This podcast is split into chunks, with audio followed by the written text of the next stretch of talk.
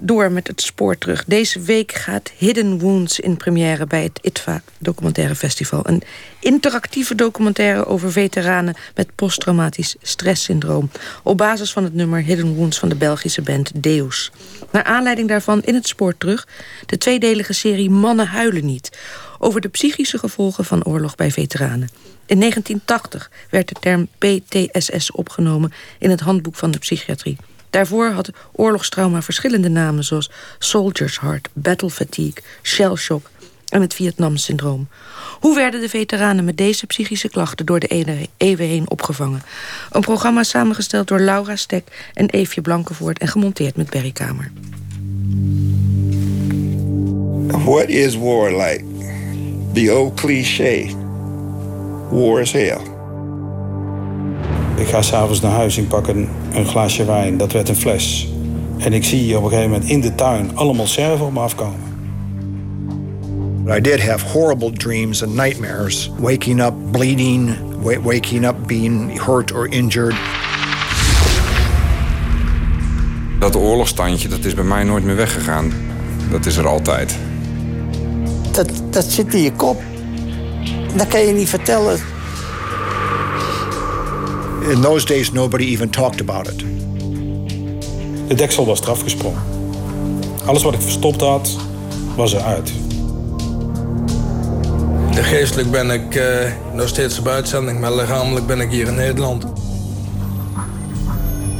De westerse wereld leeft nu bijna 70 jaar in vrede op eigen grondgebied. Maar jaarlijks worden er nog duizenden militairen uitgezonden. Op missies naar verre onbekende oorden, waar de gemiddelde burger soms nog nooit van gehoord heeft. 3 tot 5 procent van die militairen komt terug met PTSS, een posttraumatische stressstoornis. De intense ervaring van angst en schrik, doodsangst, die spanning, dat kan als het ware invreten, inslijten. En dan krijg je hele diepe groeven. Er lopen nu zo'n 3 tot 5.000 veteranen met PTSS-klachten rond in Nederland. Hoe wordt er met deze kwetsbare groep omgegaan? En hoe ging men in het verleden om met oorlogstrauma? 10 seconden. Hij staat niet te schieten, dus dan gaan ze op hem terugschieten misschien. Dus dan ga je niet achter hem staan. Renier Pol is een jonge Bosnië-veteraan. Een enorme man van 36 die zo'n stevige handdruk geeft dat je vingers even wit worden. Er zitten nu daar een aantal gasten, die zitten op hem te wachten tot hij zich blootgeeft, zodat ze hem kunnen uitschakelen. Renier weet het op zijn derde jaar al zeker. Ook goed. Hij wil militair worden. Ik denk dat mijn moeder het veroorzaakt heeft, want die wilde niet dat ik met geweren speelde en soldaatjes speelde. Die verbood het. Nou, je weet dat het bij jongeren gaat. Als je iets verbiedt, dan willen ze het juist doen. Dus ik denk dat eigenlijk doordat mijn moeder het niks vond, ik alleen maar nog meer het leger in wou. En ik was eigenlijk gewoon een beetje een uh, irritant rotjoch. Wat, uh, wat met hele foute, verkeerde dingen bezig was. Niet zozeer crimineel of wat dan ook. Maar ja, gewoon moeilijk met, uh, met, met omgang met andere mensen. Moeilijk met structuur. Dus toen ik het leger inging, was daar dus die structuur. Die helderheid, de duidelijke kaders. Precies weten wat er van je verwacht wordt, wat je moet doen. En dat werkte voor mij goed. Dat beviel me wel. Hey, kom op, luidjes! Communiceren met elkaar! Renier maakt nog net de dienstplicht mee en wordt in 1995 als vrijwillig dienstplichtige uitgezonden naar Bosnië. Ik had wel zoiets van yes, want hier doe je het voor. Het is hetzelfde als een voetballer. Uh, je kan je hele leven trainen, maar uiteindelijk wil je ook een keer een wedstrijd spelen. En datzelfde geldt voor een militair. Renier, je mist op fire! Maar wat Reinier niet weet, is dat de spanningen van die uitzending hem levenslang zouden blijven achtervolgen. Pas toen het moment kwam dat ik Defensie verliet, toen begon ik er pas echt last van te krijgen van dat oorlogstandje. Koken van binnen, kwaad zijn op alles. Maar het is ook gewoon continu uh, achterdochtig zijn, paranoïde. Nu werkt hij in het dorpje Eten in Brabant waar jongens in camouflagekleding op een terrein met bunkers en junglebos op en neer rennen en elkaar proberen uit te schakelen. Met verf. Wij noemen die dingen geen geweren, maar we noemen het een marker. Je markeert iemand met een paintball. Reinier heeft een paintballbedrijf. In eerste instantie klinkt dat wat curieus. Een veteraan met PTSS die nog dagelijks met verfballen schiet. Maar voor Reinier helpt het juist om zijn aandoening onder controle te houden. Er heerst die structuur, die duidelijkheid, die simpele manier van communiceren. Uh, ik kan mijn frustratie en agressie erin kwijt, want het is een fysieke sport. En het is iets waar ik controle over heb. Ik ben te veel militair voor de burgermaatschappij en te veel burger voor de militaire maatschappij.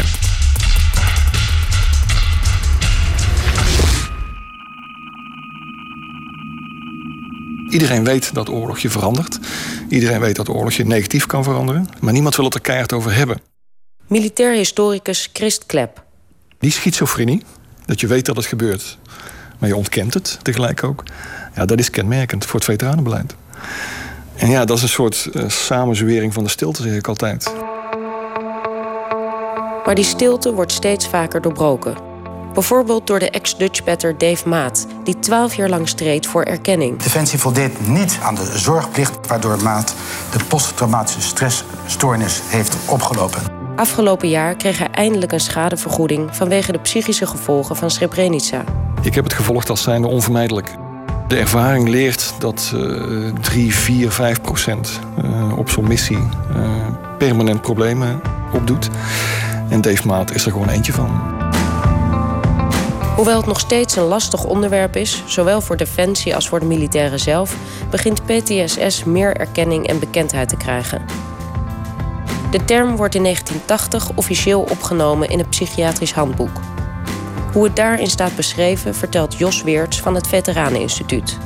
Als er sprake is geweest van een dreigend gevaar voor je eigen leven of iemand in je omgeving, wat gepaard gaat met gevoelens van afschuw en machteloosheid. En als er een aantal symptomen zijn op het gebied van herbelevingen, vermijding, prikkelbaarheid en negatieve veranderingen op het gebied van je denken en je gevoelens. Als dat allemaal aan de orde is, dan noemen we dat een posttraumatische stressstoornis.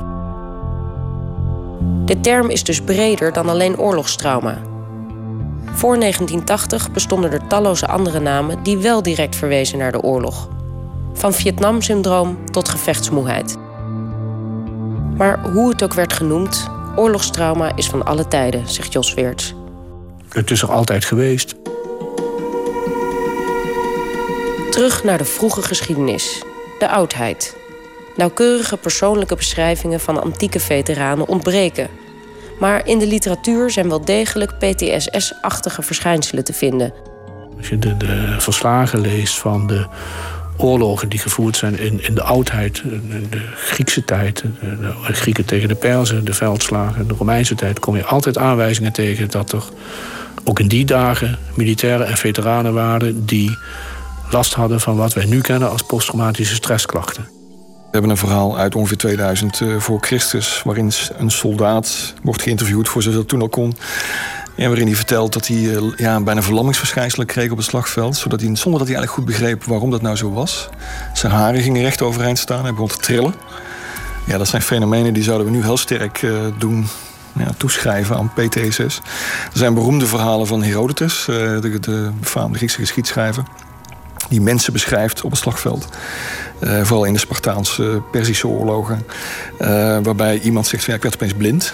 Er is een oorlog, een, een, een, behoorlijk bloedige slag tussen de, de Spartanen en de, en de Perzen. Op een bepaald moment wordt een van die mensen wordt blind. En die beschrijft dat achteraf tegen Herodotus. En zegt van ja, ik zag opeens op het slagveld een enorme kerel tegenover me. Een enorm sterke Perzische strijder. En die kwam op me af. En op dat moment zag ik niks meer. En hij kon eigenlijk niet goed verklaren. Niemand kon goed verklaren waarom hij uh, uh, blind werd. Er waren toen al slagveldchirurgijnen. Dus, dokters zouden we tegenwoordig zeggen. En die konden ook geen enkele verwonding bij hem vaststellen. Hij was gewoon spontaan blind geworden. En bleef dat ook de rest van zijn leven. Waarschijnlijk dus door stress. Omdat dat fenomeen, dat blind worden... zie je later ook nog heel vaak terug. Je ziet beschrijvingen van, van angstige dromen. Je ziet beschrijvingen van mensen die in een toestand van razernij terechtkomen zonder dat dat verder begrijpelijk is. Dus mensen die doorbranden, mensen die eh, psychisch helemaal instorten. Uh, allerlei verschijnselen worden beschreven die wij nu kennen als uh, verschijnselen behorend bij posttraumatische stressklachten. En dan is er nog het verhaal van Ajax, de mythologische held uit de Ilias die vocht in de Trojaanse oorlog en krankzinnig werd door de vloek van Pallas Athene. Hij kon niet bevatten wat er was gebeurd. Hij ging naar zijn tent, En langzaam borrelde woede in hem op... zoals bedwelmende giftige dampen opstijgen uit de moeras. Eigenhandig zou hij alle Grieken stuk voor stuk afslachten... Hij heeft veel meegemaakt op het, uh, op het slagveld. Uh, begint dan blijkbaar te leiden aan iets wat we tegenwoordig uh, posttraumatische stress zouden noemen. Hij ging naar de kooi waar al het vee werd gehouden dat was geplunderd in de omgeving en richtte een bloedbad aan onder de schapen. Hij is onder de betovering van, van Athena, ehm, kan dat allemaal niet meer aan, komt dan een kudde schapen tegen en slacht die af. Stuk voor stuk sneed hij ze de keel door, in de overtuiging dat zij de Grieken waren. Blijkbaar in de veronderstelling dat hij weer terug is op het, uh, op het slagveld. En van de drie grootste rammen mutileerde hij de kadavers. Eenmaal bij zinnen weer realiseert hij zich wat hij gedaan heeft, kan niet leven met die schande. En pleegt dan zelfmoord. Hij was de eenzaamste man op aarde. Hij stond op, ontblootte zijn bovenlichaam en stortte zich in zijn eigen zwaard.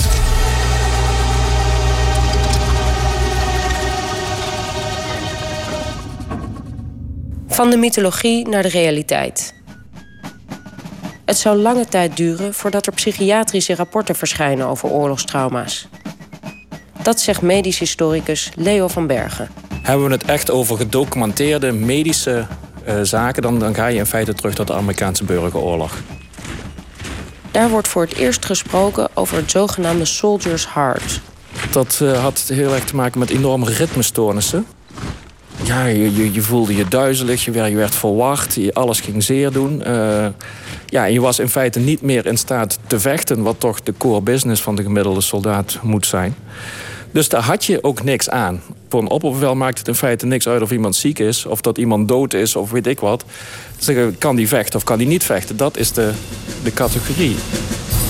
Een verklaring voor die vreemde hartritmestoornissen heeft men niet. Er wordt wel gespeculeerd over mogelijke oorzaken. En die zijn fysiek, denkt men. Dat had dan te maken met, met, met de grote bepakking en de strakke bepakking. En dat zou dan de borst induwen en dat zou dan weer problemen met het hart opleveren. En als er wel aan psychische oorzaken wordt gedacht, dan krijgen de soldaten niet bepaald erkenning. De geesteszieken worden vooral gezien als aanstellers en lafaards. Van ja, ja, maar dat heeft niks met die oorlog te maken. Die, die tante van jou was ook al een beetje vreemd. En, uh, en, en, en vroeger, toen je veertien was, zat je niet achter de meiden aan. Ik bedoel, wat ben jij voor een kerel? Dus jij bent, jij bent niet gek, jij bent laf. Uh, en het komt ook niet door de oorlog. Het komt door een, doordat je een innerlijke karakterzwakte hebt. In de Victoriaanse tijd, al voor de Eerste Wereldoorlog, werd heel veel toegewezen aan, aan een, een, staat van de hersenen. En dat men niet meer rationeel kon denken. En dat was dan hysterie. En dat werd dan ook vaak aan vrouwen uh, toegekend. En toen men dat soort symptomen ook begon te herkennen in de, in de oorlog, zei men: Oh, dat zal wel hysterie zijn. Of een ander woord, wat heel vaak gebruikt wordt, was nostalgie. Nostalgia. In de Amerikaanse-Spaanse burgeroorlog kwam dan nostalgia op. En ja, dat was dan psychische problemen. Dat werd dan toegeschreven aan, ja, de soldaten hebben gewoon heimwee terug. Ze vinden dat hele Cubaanse eiland vinden ze maar niks. Met allemaal die, die, dat ongedierte en die hitte. Ik wil weer terug naar, naar Wyoming of whatever, waar ze vandaan kwamen. Maar zowel de Soldier's Heart als het verschijnsel nostalgia worden direct na het einde van de oorlogen weer vergeten. Want dat je ook langdurig beschadigd kan raken door de oorlog en dat je daar nog jaren later last van kan krijgen, dat zit niet in het systeem. Nee, langlopende klachten was er sowieso geen aandacht voor. Ik bedoel, je had klachten door die oorlog. Dus als die oorlog was afgelopen, moesten ook die klachten weg zijn.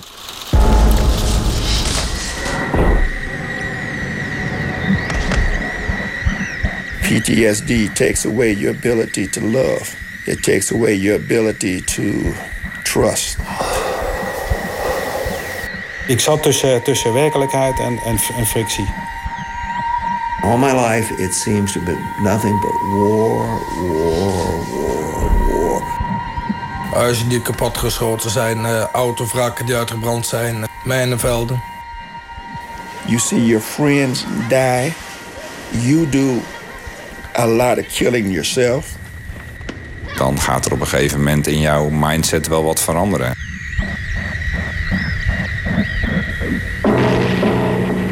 28 juli 1914 breekt de Eerste Wereldoorlog uit. De gruwelijkste oorlog tot dan toe gevoerd. Een oorlog waarin soldaten eindeloos doorbrengen in de loopgraven. blootgesteld aan ongenadig artillerievuur, wachtend op een volgend bloedbad. Lijken van mens en dier. Wapens en materiaal onder de aarde en modder. Samengeklonterd, onontwarbaar in de smeltkroes van een monsterlijke stampmachine. Jarenlang zullen de onder hun bevel staande troepen tegenover elkaar in loopgraven liggen. Jarenlang. Dat heeft fysieke, maar uiteraard ook geestelijke gevolgen. Er vallen massaal soldaten uit die niet meer functioneren. Je kon je arm niet meer bewegen, terwijl er fysiek, neurologisch, weet ik wat, niks met die arm aan de hand was. Waarom? Iemand is blind, kan niet meer zien, kan niet meer praten, kan niet meer lopen of ging slenteren of stotteren. Dat hevige bibberen had er ook mee te maken. Dat, dat, ja, dat, dat werd dan teruggevoerd, geval door de soldaten, tot angst. Dat soort dingen werden dan shell shock genoemd. Onze arme kerels hebben te veel gruwelen, te veel ongelooflijks moeten meemaken. Ik kan niet geloven dat we dat allemaal kunnen verwerken. Ons arme kleine verstand kan het gewoon niet allemaal bevatten. De term shell shock wordt in 1915 voor het eerst gebruikt door de Engelse arts en psycholoog Charles Myers. En hij dacht uh, dat die, die geestelijke problematiek die hij bij sommige mensen zag, dat die had te maken met kleine, hele minuscule veranderingen in de hersens als gevolg van de luchtdrukverplaatsing na, na het ontploffen van een granaat, van een shell. Dat was dus echt dus een shock veroorzaakt door een shell. Shellshock wordt dus toegeschreven aan een fysieke verandering in de hersenen. Maar diepgravend onderzoek wordt er niet gedaan. Voor opperbevel en legerartsen is niet de geestestoestand van de soldaten, maar de gevolgen voor het leger het belangrijkste probleem. Door die bibberende, lamme, blinde en doorgedraaide mannen kan de kracht van het leger achteruit gaan. Dus wat je ziet is dat met de hulp van psychiaters en later ook psychologen geprobeerd wordt om de sterkte van de eenheden op peil te houden, zodat je altijd voldoende fitte mannen hebt, ook psychisch fit, om te kunnen vechten. Een belangrijk verschil tussen de civiele psychiatrie en de militaire psychiatrie is dat de militaire psychiatrie als doel heeft de, de, het individu weer zodanig fit te maken dat hij weer, aan, weer, weer kan deelnemen aan de inzet, aan de gevechten. De militairen worden op een heel effectieve manier weer naar het slagveld gestuurd. Gewoon door een paar onconventionele psychiaters op ze los te laten. Er is er eentje in, Oostenrijk geweest die spoot je in met malaria-tabletten. Want hij had gezien van nou, als mensen een flinke koortsaanval kregen, dat wil, wou nog wel eens helpen. Maar de meest bekende is natuurlijk eh, de, de elektrische therapie. Dus er kwam zo'n zo'n zo'n stokje waar stroom op stond. En dan ja, heb je last van je benen. Dan gingen ze dus even, kon je stotteren, dan werd het in je, op je tong gezet. En dat deed zo gruwelijk zeer. Op een bepaald moment denkt die soldaat van... Nou, ik ben wel weer genezen. Ik ga liever terug naar het front dan dat ik hier nog langer blijf.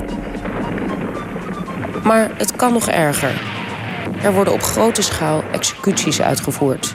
Je werd dan geëxecuteerd of omdat je een voorbeeld gesteld moest worden... van, van dat uh, peloton heeft niet hard genoeg gevochten. Dus daar pikken we er een paar uit en die stellen we voor het executiepeloton. En dan vechten ze de volgende keer wel harder. Dat, dat zijn dus executies die helemaal niks met lafheid te maken hebben. Maar je had natuurlijk ook mensen die shellshock kregen... en dus niet meer de loopgraaf uit te duwen waren. En dan verschijn je voor het gerecht. In Engeland worden duizenden militairen met shellshock ter dood veroordeeld. Maar dat de soldaten soms niet meer kunnen vechten is niet het enige probleem. De overheden maken zich ook zorgen om de eventuele financiële gevolgen van de oorlog. Daarom wordt er al snel een tweedeling gemaakt: shellshock wounded en shellshock sick. Als je het etiketje wounded krijgt, ben je ziek als gevolg van de oorlog. Bij sick is die oorzaak niet aantoonbaar. En dat betekende dat als je de diagnose sick kreeg, dan had je geen uh, recht op een pensioen. Kreeg je de diagnose wounded, dan had je wel recht op een pensioen. Shell shock wounded was dus heel erg moeilijk te krijgen.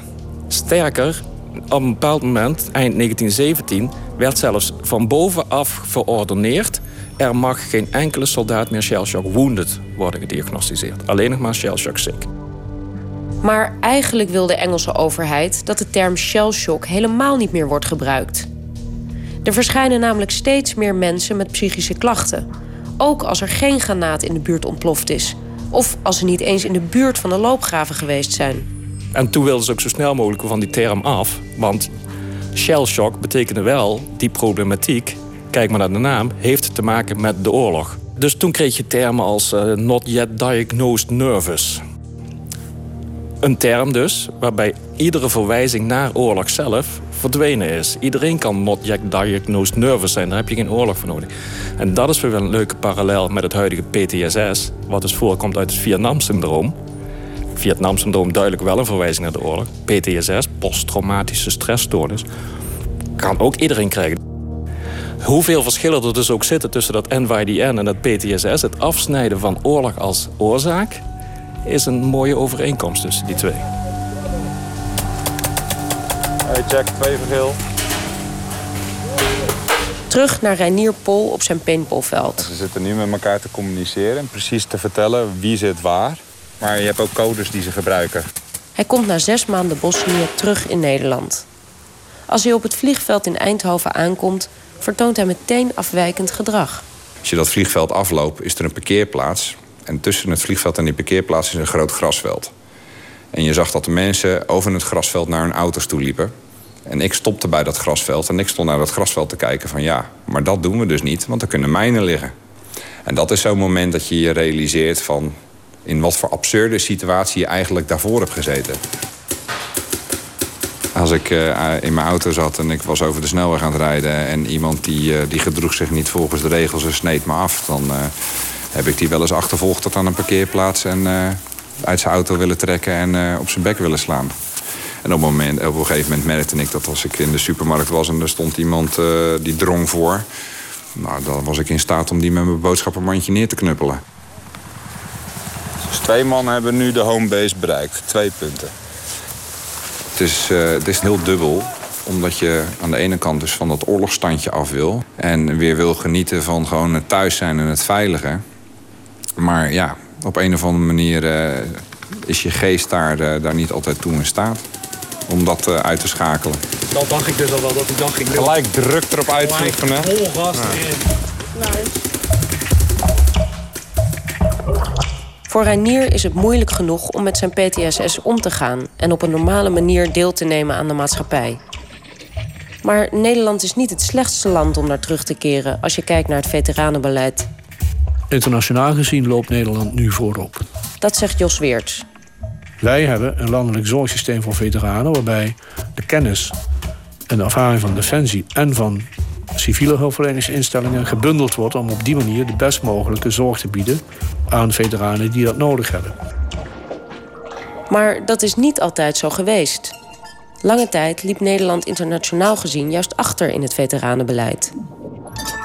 Landen die aan de Eerste Wereldoorlog hebben deelgenomen, die werden in 1918 geconfronteerd met het feit dat tienduizenden, honderdduizenden, soms miljoenen jonge mannen uit de oorlog terugkwamen en als veteraan in de burgermaatschappij hun weg moesten zien te vinden. Daar ligt een langere geschiedenis. We worden pas echt weer geconfronteerd met oorlog op eigen grondgebied in de Tweede Wereldoorlog. Een oorlog die weer een nieuw type trauma oplevert voor de militairen. Dit keer heeft men het over battle fatigue, gevechtsmoeheid, direct toegeschreven aan fysieke uitputting. Want waar de Eerste Wereldoorlog vooral een stilstaande oorlog was, is de Tweede Wereldoorlog een bewegingsoorlog. De ravage na 45 is dan ook over een veel breder gebied verspreid. En dat heeft gevolgen voor de opvang van militairen. Je kwam terecht in een wereld die ook gewoon kapot was. Waar ook mensen van alles en nog wat hadden meegemaakt. En dat is dus, ja, dat is dus heel lastig. Dus ja, je kwam gewoon in een kapotte wereld waarin iedereen van alles had meegemaakt. Zei van ja, moet ik nou met mijn verhaal komen? Niemand luistert toch? En ja, daar blijft het dan ook bij. Want wat moet je ook meer? Er zijn wel andere problemen. Nederland moet opnieuw worden opgebouwd. En er is zoveel gruwelijks gebeurd in de concentratie- en vernietigingskampen... dat de Nederlandse gevechtservaringen er al snel bij in het niet vallen. Jos Weerts noemt nog een reden waarom er weinig aandacht wordt besteed aan die groep veteranen. Bij eh, psychische klachten bij veteranen speelt de manier van thuiskomen een heel belangrijke rol. De Tweede Wereldoorlog zou je kunnen zeggen, dat, dat was een goede oorlog... en de mensen die daaraan gevochten hadden, dat waren helden. Er is ook heel weinig bekend over psychische problemen bij Tweede Wereldoorlog-veteranen. Maar Nederlands-Indië, dat is een heel ander verhaal. Nederland verzet zich tegen de Indonesische onafhankelijkheid en stuurt militairen om de rust te herstellen met de politionele acties. Inzet van deze militairen in Indonesië is van het begin af aan omstreden geweest.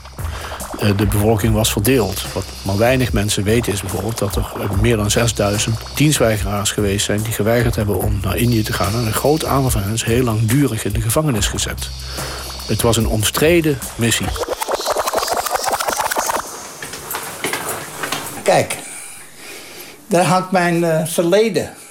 Dit is Harm de Jong, Indië- en Korea-veteraan uit Amsterdam-Oost. Dat zijn de schepen, die schepen waar ik op gevaren heb. Dat is een torpedojager. Ja.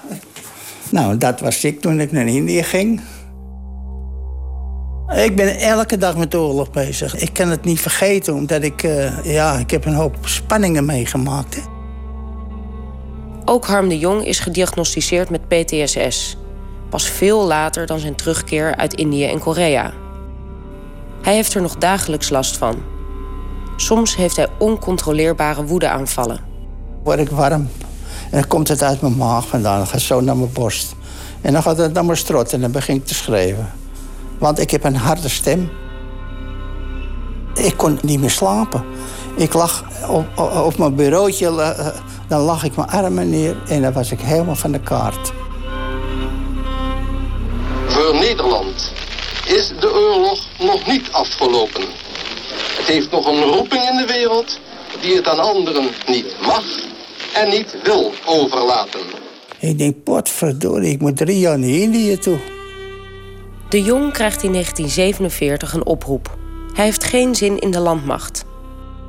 Omdat hem een opleiding als scheepsmachinist beloofd wordt, tekent hij als beroeps. Matroos bij de marine. Dus ik teken voor mijn dood zes jaar.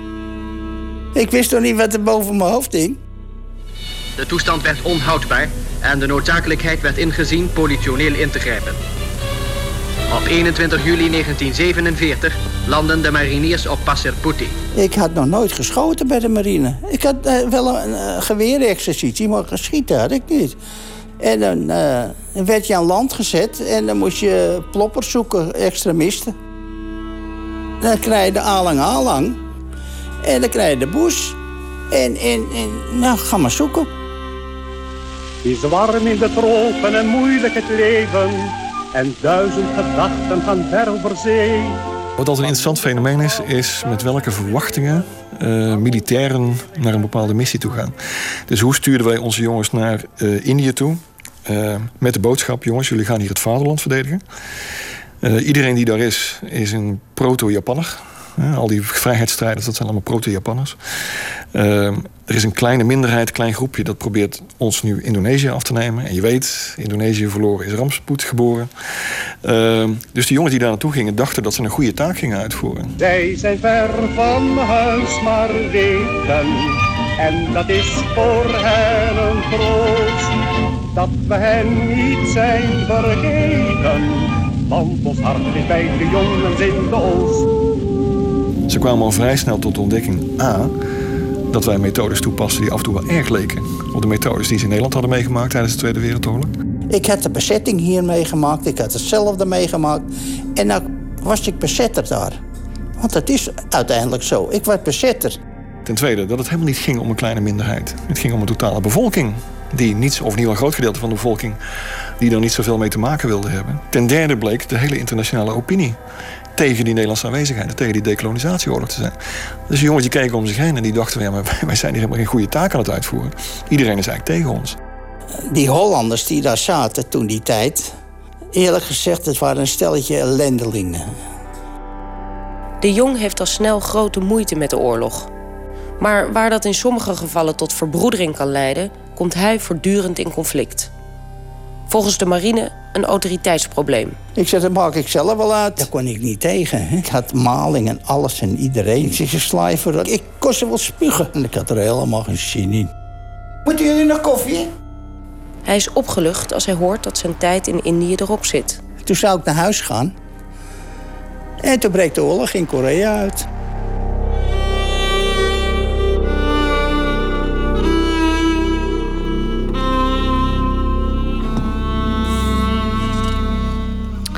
Dit was het eerste deel van het tweeluik Mannen huilen niet van Eefje Blankenvoort en Laura Stek.